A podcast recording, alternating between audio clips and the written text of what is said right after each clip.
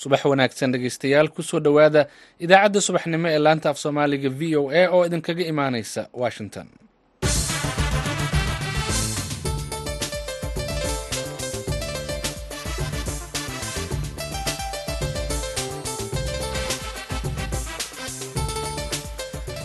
waa subax arbaca ah bisha februaarina waa laba iyo labaatan sanadka labada kun saddex iyo labaatanka. Waxaad naga dhagaysanaysaan mawjadaha gaagaaban ee lix iyo tobanka iyo sagaal iyo tobanka mitrban iyo bogga v o a somaly com. Saacadda afrikada bari waa lixdii iyo barkii aroornimo. Idaacadda saaka iyo caalamka waxaa idinla socodsiinaya aniga oo ah nuur xasan nuur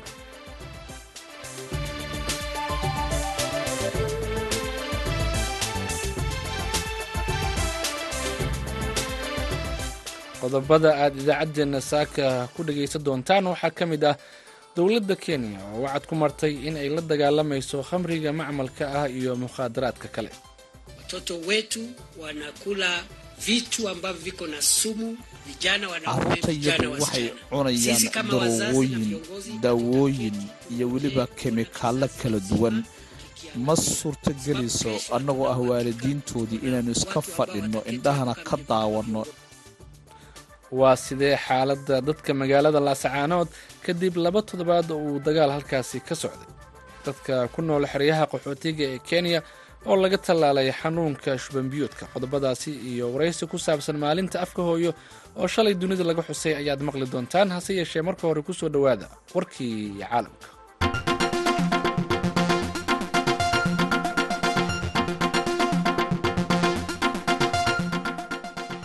khudbado ay saacado kooban u dhexeeyeen oo ay talaadadii shalay kala jeediyeen madaxweynaha maraykanka jo biden iyo madaxweynaha ruushka valadimir putin. Ayay siyaabo kala duwan oo kala fog uga hadleen dagaalka ukrain hadal uu madaxweyne biden ka jeediyey qasriga boqortooyada ee magaalada warso ee dalka poland ayuu ku ballan qaaday in uu ku difaaci doono dimuquraadiyadda wuxuu sheegay in duulaankii uu ruushka ku qaaday ukrain uusan keliya tijaabo u ahayn ukrain balse ay ahayd tijaabo ku wajahnayd dhammaan dunida hadalkan ayuu biden jeediyey maalin kadib markii uu booqasho lama filaan qarsoodi ahayd ku tegay magaalada kiyef ee caasimadda ukrain halkaas uu kula soo kulmay madaxda ukrain dhanka kale madaxweynaha ruushka ayaa khudbadiisii shalay ku weeraray. Dowladaha reer galbeedka oo uu ku eedeeyey inay khatar ku ahaayeen ruushka. Wuxuu ku eedeeyey maraykanka in dagaalka ukrain uu u rogayo colaad caalami ah islamarkaana ku dhawaaqay inuu joojinayo heshiiska dhimista nucleerka ee u dhexeeya labada wadan balse war markii dambe ka soo baxay wasaaradda arrimaha dibadda ruushka ayaa lagu sheegay in moscow ay doonayso inay u hoggaansato heshiiskaas. Aqalka cad ee loogu taliyo maraykanka ayaa talaadadii sheegay in muhaajiriinta maraykanka ka soo gelaya xadka mexico ay u diidi doonaan magangelyo haddii aysan marka hore magangelyo ka soo raadin mid ka mid ah dalalka ay soo mareen tallaabadan ayaa la mid ah iskudaygii aanan marnabo guuleysan ee uu maamulkii madaxweynihii hore ee maraykanka donald trump sidan oo kale ku rabay in muhaajiriinta ka soo tallaabay xadka koofureed ee maraykanka loo diido magangelyada haddii aysan la imaan caddeyn muujinaysa in dal saddexaad uu ka soo diiday magangelyo.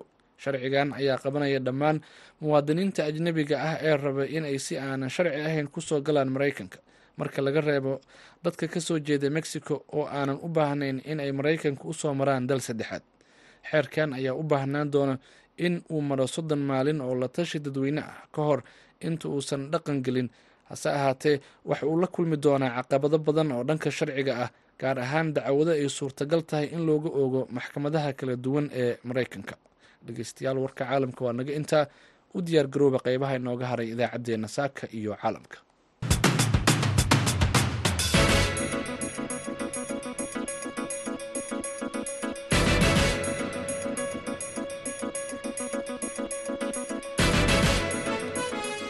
subax wanaagsan dhegeystayaal halka aad nagala socotaan waa voice of america washington.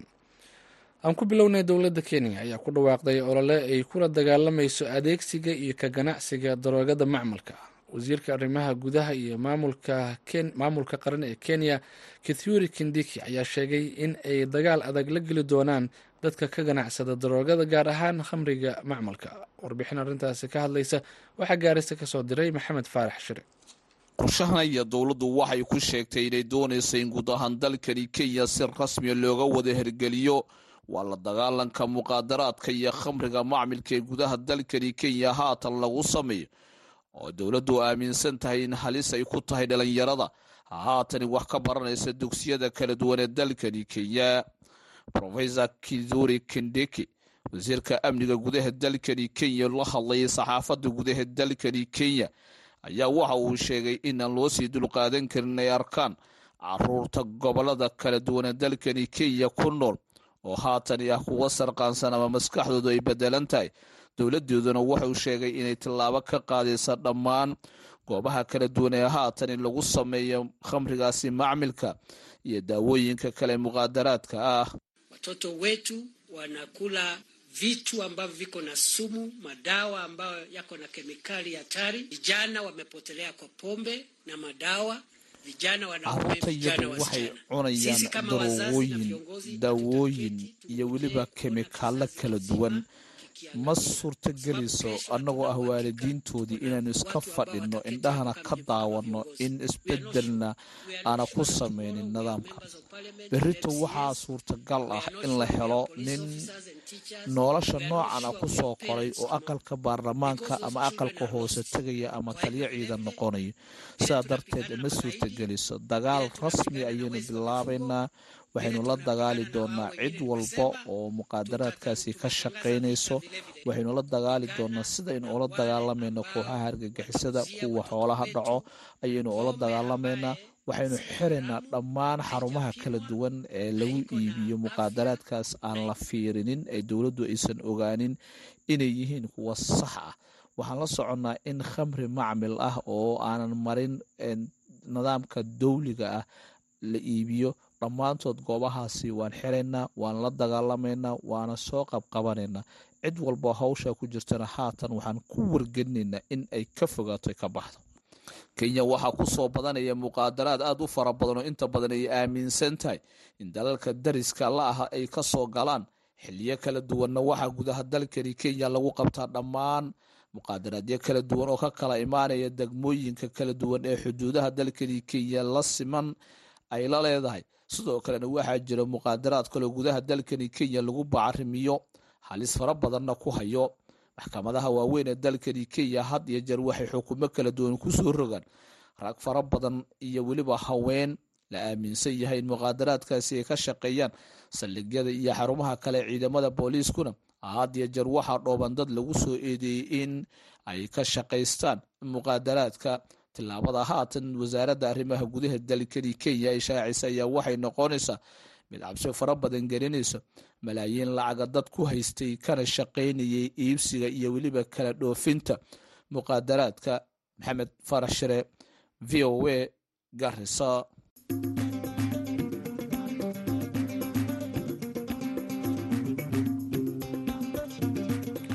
haatanna laascaanood toddobaadkii labaad ayuu galay dagaalka ka socda magaalada laascaanood kaas oo sababay dhimasho dhaawac iyo barakac haddaba waa sidee xaaladda dadka rayidka ah ee ku dhaawacmay iyo kuwa ku barakacay coladan? Wariyaha v o eda laascaanood cabdikariim olol ayaa arrintaasi ka wareystay maareeyaha isbitaalka guud ee magaalada laascaanood waa dhowahay v o a iyo cabdikariim baa salaamayaa runtii maanta dagaalku wuxuu galay maalintii lix iyo tobnaad oo si joogta ah xabaddo ay u dhacaysay lix iyo tobanka casho lix iyo tobanka casho maanta waxaa ku jirtay maalmihii dagaalku ugu kululaa.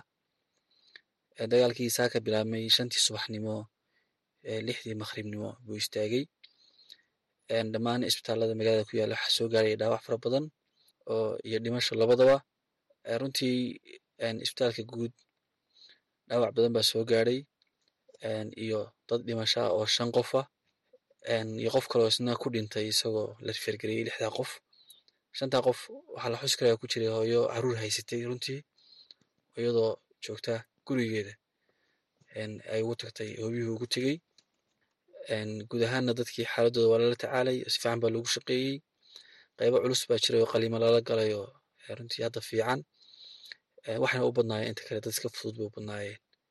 Marka haddana xaaladdu waa sidii hore wey jawi iska colaadeed waxaa jira cusbitaallo kala duwan oo iyaguna dhaawacyo la geeyey bal ka war wallaahi way jiraan isbitaallada dhinta way shaqaynayeen runtii dee isbitaallada ugu badan wax la geeyo isbitaalka weyn baa kolley mataqaanaa qeybaha ugu badan la keenaa laakiin way jiraan isbitaalada magaalada barefadka oo dhan dhaawaca isbitaalada la keena haddii la isku daro dad waxa weeye gaadhaya ilaa iyo konton qof gaadhaya dhaawacii maanta dhimashaduna guud ahaan lix qof un bay ahayd dadka dhaawacyada siday wax u qabaan iyo kuwa qalimada loo sameeyey bal nooga war. Cabdikariinow dadka dhaawaca dee waa dad uun rasaas waaweyn ay ku dhacday.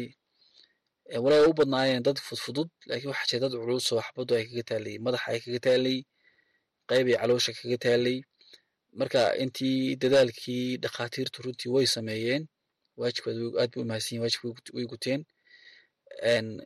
Saddexdii kiisi ee ugu cuslaa qalinka la geliyey runtii saddexdu aad way fiican yihiin kuwa kalena waxay u badnaayeen kuwa iska gacmaha jajaba kuwa mataqaanaa lugaha ah kuwii ugu daran waxay kuwii madaxa iyo iyo caloosha ay kaga taalay. Waxaad ii sheegtay in dhaawac uu soo gaadhay solar systemka idin yaalla iyo oxygiinta cusbitaalka guud ee magaalada laascaanood bal ka waran siyaabaha ay wax u soo gaadheen. Cabdikarina way jirtaa in solar systemkii isbitaalka u dhaawac soo gaadhay solar systemka waxaa ka horreeyey markii hore in filooyinkii dabka keeni jiray ay go-een ee layrhka caadiga ah. Kabacdina solar systemkii mataqaanaa uu ku dhacay qori weyn uu ku dhacay. Intaa wixii ka dambeeyay aanu isticmaalaynay matooro. Sidoo kale oxygeenta dhawac baa soo gaadhay waxyaabo kale oo mataqaanaa way jiraan sida baabuurta ambalaasyada ah iyana dhaawacyo badan soo gaadheen xafisyada qaybo ka mid ah waararka qaybo ka mid ah iyo bukaanadii la dawanayay qayb ka midaba marka koley isbitaalka weyn khasaare badan baa soo gaadhay oo waxyaabahaas ugu badan yihiin. Runtii isbitaalka weyn keliya maaha isbitaalka way la qabaan. Waxaa jira shaqaalo badan oo idinka tegey oo qaarkood degmooyinka u cararay bal nooga war. Runtii de xaaladan magaaladu ku sugan tahay shaqaalaha waxaa ku jiray qeyb dee hooyooyina oo caruura haysta oo markii dee magaaladii u badan uu ku soo dhacay oo dee safetygii mataqaana aan lagu kalsoonaan karayn ciyaalkoodii la baxay baa jira dad waxaa jira xitaa waxyaaban xusi karo. Hubabkan dhacaya iyo markii arkeen dhaawacyo fara badan maskixiyan isu bedelay oo hadda isbitaalada lagu dabiibay qeybtood. Markay arkeen dad dee la shaqaynayey oo dhintay shaqaale caafimaad oo dhintay baa jira runtii oo laba ah oo ka shaqaynaya isbitaalada. Midna wuxuu joogay isbitaalka gargaar midna isbitaal guud buu joogay. Marka dee markaa aragtid dadka kula shaqaynayey oo oo dhintay dhaawaca maalista la keenaya markaa aragtid dabcan waxa kugu dhacaya dee maskixiyan waa isbedeleysaa marka inta badan dee qolyaha caafimaadka waxay dhahaan b t s d ama post traumatic stress disorder bay dhahaan. Maareeyaha isbitaalka guud ee magaalada laascaanood oo u warramayay waryaheena cabdikariim olol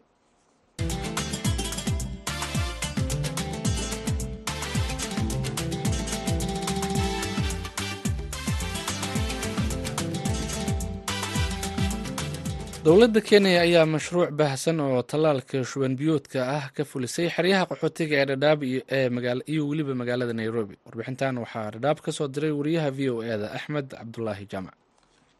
Hay'adaha samafalka ee maamulo caafimaadka xeryaha qaxootiga oo kaashanaya wasaaradda caafimaadka ee dalka kenya iyo hay'adda caafimaadka adduunka ee w h o ayaa soo afmeeray tallaalka cudurka daacun caloolaha oo taariikhda markii u horeysay laga tallaalay dadka ku nool ismaamulada gaarisa wajeer iyo nairobi. Ku dhowaad shan boqol oo kun oo qof oo ku nool xeryaha qaxootiga ee dhadhaab iyo deegaanada ku xeeran ayaa ka faa'iidaystay tallaalka oo dadka loogu geynayay meelaha ay joogaan sida guryaha suuqyada ganacsiga goobaha waxbarashada iyo meel walba oo lagu tuhmayo in dad laga heli karo cudurka ayaa ku soo noqnoqday xeryaha qaxootiga waxaana cudurka oo xeryaha ka dilaacay bishii oktoobar ee sannadkii hore ee labadii kun iyo labayo labaatankii uu soo ritay ku dhowaad laba kun oo qof. Qofkii ugu dambeeyey ee ka bogsada cudurka shubanka ayaa qeybta xakamaynta iyo daaweynta ee xagardheer laga saaray laba toddobaad ka hor. Muuse cabdulqaadir caraaye oo xanuunka daacun calooluhu uu soo ritay bishii hore ee janaayo ayaa isaga iyo qoyskiisu waxay qaateen tallaalka wuxuu sheegay inuu xanuun daran kala kulmay markii uu cudurku haleelay. Haddana uu dhammaan xubnaha qoyska oo dhan tallaalay. Waxaan dareemay macnaha xanuun zaa'ida fuuqbax zaa'ida aad baan u fuuq baxay. Xaqiiqadii waxaan gaaray heer aan ka kaduuto oo xibnaha dhan ee jirkao dhan oo isoo kaduutaan baan gaaray aniga. Alxamdulilah aan hadli waaye hadal xataan kari waayaan gaare waa layla tacaalay isbitaalkaa lay geeyey saddex weyn baa ku jiray faleebooyin tiro badan qaatay cirbado saddex weyn markiin joogay kadibna waa layga soo saaray hay'adaha khayralaha siiya ayaa soo wareegay. Mar dambe waa fikireen waxay keeneen talaal talaalka cudurka oo daacuunka aniga reerkaygaba waa wada qaadanay adiga hadda saddex maalmood kadib afar maalmood laga jooga intayn talaalka qaadanay wax xanuun oo dhan kuma arkan. Caafimaad mahayna wax kale kuma arkan. Tallaalku wuxuu ahaa laba dhibcood oo afka laga qaadanayo. Dadka oo qaarkood ay shaki ka muujin jireen tallaalada qaar ayaa si qanacsanaana u qaatay tallaalkan maadaama waxa laga tallaalayaa uu yahay xanuun ay yaqaanaan dhibaato badanna ku haya dadka ku nool xeryaha qaxootiga. Maxamuud axmed cabdulle oo isaga iyo qoyskiisuba ay qaateen tallaalka ayaa sheegay inay si niyad samiya u qaateen uuna u arko inuu leeyahay faa'iido badan. Qoyskaygu wuxuu ka kooban yahay koob iyo toban qof. Koob iyo tobanka iyagaa qofba waan qaadanay. Koob iyo tobanka markaan qaadanaynay waxaan dee nala ahaa faa'iido soo kordhay. Sida lanoo sheegay wax juhdi la geliyey ee dhakhaatiir ka soo shaqeeyeen yaanu markii lanoo sheegay waan qaadanay. Ilmaha waan ku amray annaga qoyska faamil ahaan waan qaadanay. Oo kolle caafimaad waxaan ahayn annagu kama qaadin. Isbedel naaqosa oo xanuuna ma aanan arkin ama cudur ah. Awalba wuxuu ahaa ka hortag. Marka waxaan aada u bogaadinayaa in la qaato. Caafimaad baanu la dareemaynaa. Tallaalka qofka qaatay kama hor istaagayo inuu cudurku ku dhaco. Laakiin waxa uu yaraynayaa waxyeelada uu cudurku u geysan karo qofka uu ku dhaco. Sida uu sheegayo weli xuseen sahal oo ah madaxa qaybta tallaalka cusbitaalka xagardheer oo uu gacanta ku hayo guddiga badbaadinta caalamiga ah ee magaciisa loo soo gaabiyo i r c. Marka tallaalkan wuxuu ka micno yahay maadaama qaxootigan xagadheere uu ku soo noqdo daacuunka bisha tobnaad markii la gaaro tan koo tobnaad iyo tan laba iyo tobnaad ilaa iyo janwari xitaa february inuu gaaro macquul hadda marka iyo bisha saddexaad iyo bisha afraad bilaha weliba waqtiyaha roobka badanaa inuu kalooraha ku soo noqdo cid kasta way ogtahay cid ka qarsoon ma laha. Marka talaalka muhiimadiisa waxay tahay micnaheeda maaha inuusan kaloora kugu dhicinin mar dambe. Laakiin micnaha carruurta waan talaalnaa saa ogtihiin. Dadka waaweyn baan talaalnaa micnaha talaalka micnihiisa ma aha inaadan micnaha mar dambe waxaan kugu dhicinin. Laakiin ka hortag weeye waxaa macquula siduu kugu dhici lahaa si ka dadmo inuu kugu dhaco. Inuu kolera kugu dhaco oodan aada u fuuq bixin oodan wax badan noqonin waa macquul marka talaalka wax badan inuu ka tari doono waa filaya because of talaal waa soo aragnay bulshada waa ogtahay soomaalida waagii aan keenay covidka. Waxay ka qabeen concept xun waagi hore. Corona waaye waa saana lagu noqonayaaba laakiin ugu dambeyn dadka way wada qaateen.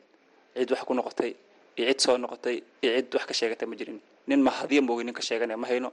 Marka kana sidoo kale aan filayaa inuu noqon doono dhammaan dadka ay da-doodu ka weyn tahay halka sano oo tiro ahaan dhan boqol iyo konton kun iyo sagaashan qof oo ku nool xerada xagardheer ayaa laga tallaalay cudurka daacun caloolaha.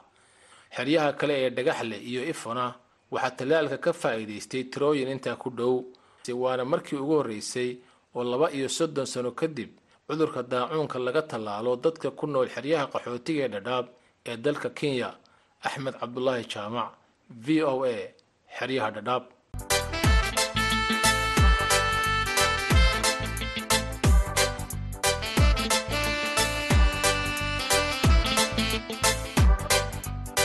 subax wanaagsan dhegaystayaal waxaad nagala socotaan v o a. Shalay waxay ku beegneyd maalinta caalamiga ah ee afka hooyo oo sanad walbaa la xuso koob iyo labaatanka bisha februaayo haddaba wariyaha v o eda ee london ridwaan xaaji cabdiweli ayaa la xiriiray rofesor cabdulqaadir ruumi oo ah wakiilka akademiya goboleedka afka soomaaliga ee qaaradda yurub. Ugu horeyna wax uu weydiiyey ahmiyadda ay maalintani leedahay. Ridwaan waa mahadsan tahay shalay waxay ahayd maalinta caalamiga ah ee afka hooyo oo sanad kasta loo dabaaldego ko iyo labaatanka febraayo markay tahay bisha. Marka arrintaas waxay ka dambeeyey shirweynihii golaha qaramada midoobey uu yeeshay sannadkii kun iyo sagaal boqol iyo sagaashan iyo sagaalkii qaybta sayniska cilmiga ee unesco la yidhaahdo ayaa waxaa lagu go'aamiyey in loo aqoonsado ma fahamsan tahay ko iyo labaatanka febraayo maalinta caalamiga afka hooyo arrintaas ayay daba joogtay marka dunidao dhan waa laga xusayey shalay waxaa looga doodayey ahmiyadda uu leeyahay afka hooyo iyo sidii loogu baahan yahay in loo dayreyeelo afafka hooyo ee caalamka. Waa mahadsan tahay af soomaaliga waxaa la sheegaa in wixii ka dambeeyey burburkii uu aada hoos ugu dhacay. Dad badan oo soomaali ah oo qurbaha ku noolna haba ugu darnaadaan. Marka adiga maadaama aad hadda tahay wakiilka akaademiya goboleedka ee qaaradan yurub maxaad is leedahay oo lagu soo kordhin karaa si loo horumariyo afka soomaaliga gaar ahaan dalalka galbeedka. Sidaa u sheegta waaye ridwan qaranjabkii af sooma ku dhacay dalka soomaaliya meel uu dhaafay ma jiro. Qaranjabku hataa wuxuu saameyn ku yeeshay ama dhibaato u geystay ma fahamsan tahay horumarintii afka soomaaliga. Marka af soomaaliga wuxuu ku socday si xawli ah markii la qoray wixii ka dambeeyey. Waxaa jiray cilmi baarisyo waxaa jiray in loo adeegsan jiray maamulka dawliga ah waxaa jiray in loo adeegsan jiray dhinaca ganacsiga. Marka qaranjabkii markuu dhacay dhammaan waxaa burburay hay'adihii ka shaqaynaya daryeelka afka hooyo sida akademiyada af soomaaliga jaamacaddii ummadda soomaaliyeed. Marka dhibka meeshaas ayuu ka yimid hay'adihii ayaa dhexda ka baxay. Marka arrintaas waxay keentay in af soomaaliga isagana uu soo gaaro dhaawac halis ah oo khatartiisa leh. Arrinta kaloo dhaawaca u keena af soomaaliga waxaa ka mid ah dadkii soomaalida oo af bedeshay afbedelka waxa weeyaan dadkii dibadda ayay u soo qaxeen. Qaxana waxa waaye dadka waxaa ku mafahamsan tahay qasbay dagaaladii dhacayay. Marka dad badan ayaa dibadda yimid. Marka halkaas waxaa ka bilaabmay afbedelasho dadkii waxay u arkeen inay ku qasban yihiin waddamada ay ku nool yihiin afafkooda inay ahmiyad gaara siiyaan inay bartaan. Marka afkii soomaaliga wuxuu ku soo koobmay inuu noqdo af guriga looga hadlo oo keliya.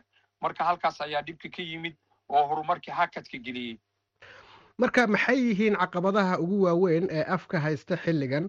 Adigoo la socda in afafka dunidu ay mar walbaba ay kobcinayaan luqadooda iyo maaragtay erebixintooda xilligan aanu ku nool nahay dunida casriga gaar ahaan maxaad ka qabateen ilaa iyo hadda haddii aad tihiin akademiya goboleedka afka soomaaliga? Dhibaatooyinka ugu waaweyn waxa weeyaan waxaa meeshii maqan ma fahamsantahay hay'adihii af soomaaliga daryeeli lahaa arrintaas dhibaatadeeda ayay wadataa. Oo akademiyadii aa maqan hay'adihii cilmiga ayaa maqan oo afka kobcinayey la soconayey dhaqdhaqaaqiisa horumarkiisa. Dibadda iyadana dhibka wuxuu ka yimid dadkii soomaaliga oo af soomaaliga aan qadarinaynin oon u haysanin af ahmiyad leh af qiimo leh aan u haysanin oo xoogga saaray afka qalaad. Marka arrintii waxayna xasuusinaysaa af qalaad aqoonta miya ma aha af qalaad aqoonta ma fahamsanta afka in la bartana lama diidano laakiin waxaa la diidayaa in ma fahamsantahay la qadari waayo afka soomaaliga.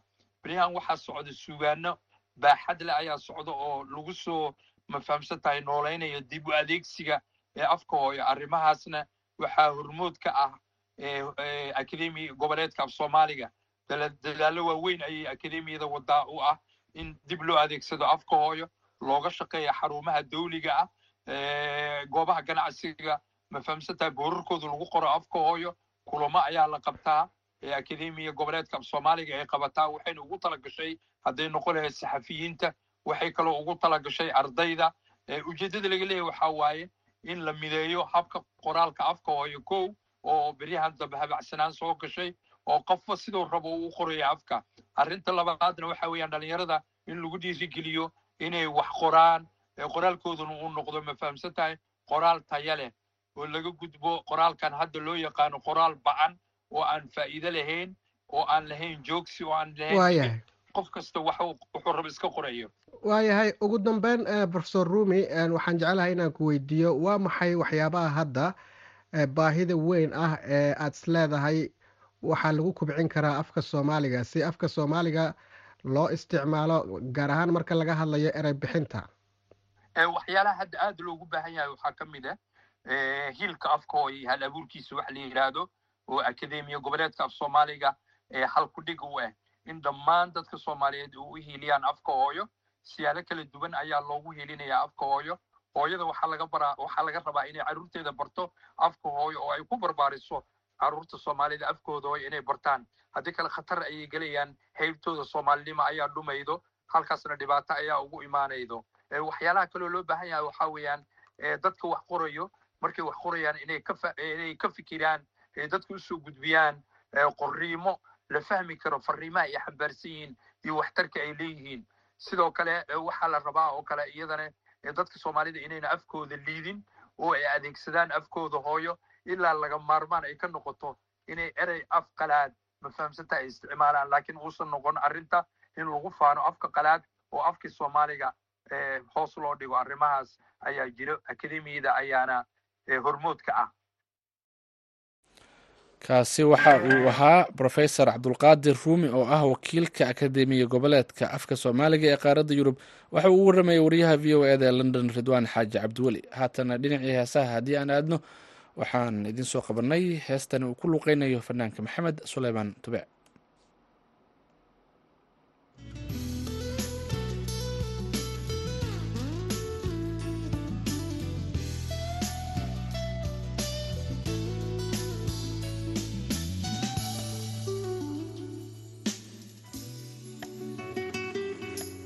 waa tahay heestaasi waa u soo laaban doonaa balse aan idin xasuusiyo qodobadii wararka caalamka ugu waaweynaa. Khudbado ay saacado kooban u dhexeeyeen oo ay talaadadii shalay kala jeediyeen madaxweynaha mareykanka jo biden iyo madaxweynaha russiya valadimir putin ayay siyaabo kala duwan oo kala fog uga hadleen dagaalka ukrain hadal uu madaxweyne biden ka jeediyey qasriga boqortooyada ee magaalada warsow ee dalka poland ayuu ku ballan qaaday inuu ku difaaci doono dimuqraadiyadda. Waxa uu sheegay in duulaankii uu ruushka ku qaaday ukrain uusan keliya tijaabo u ahayn ukrain balse ay ahayd tijaabo ku wajahnayd dhammaan dunida. Hadalkan ayuu biden jeediyey maalin kadib markii uu booqasho lamifilaan qarsoodi ahayd uu ku tegay magaalada kiev halkaas uu kula soo kulmay madaxweynaha ukrain haatanna dhegeystayaal aan dib ugu laabanno kaalimihii heesaha iyo maxamed sulaymaan tube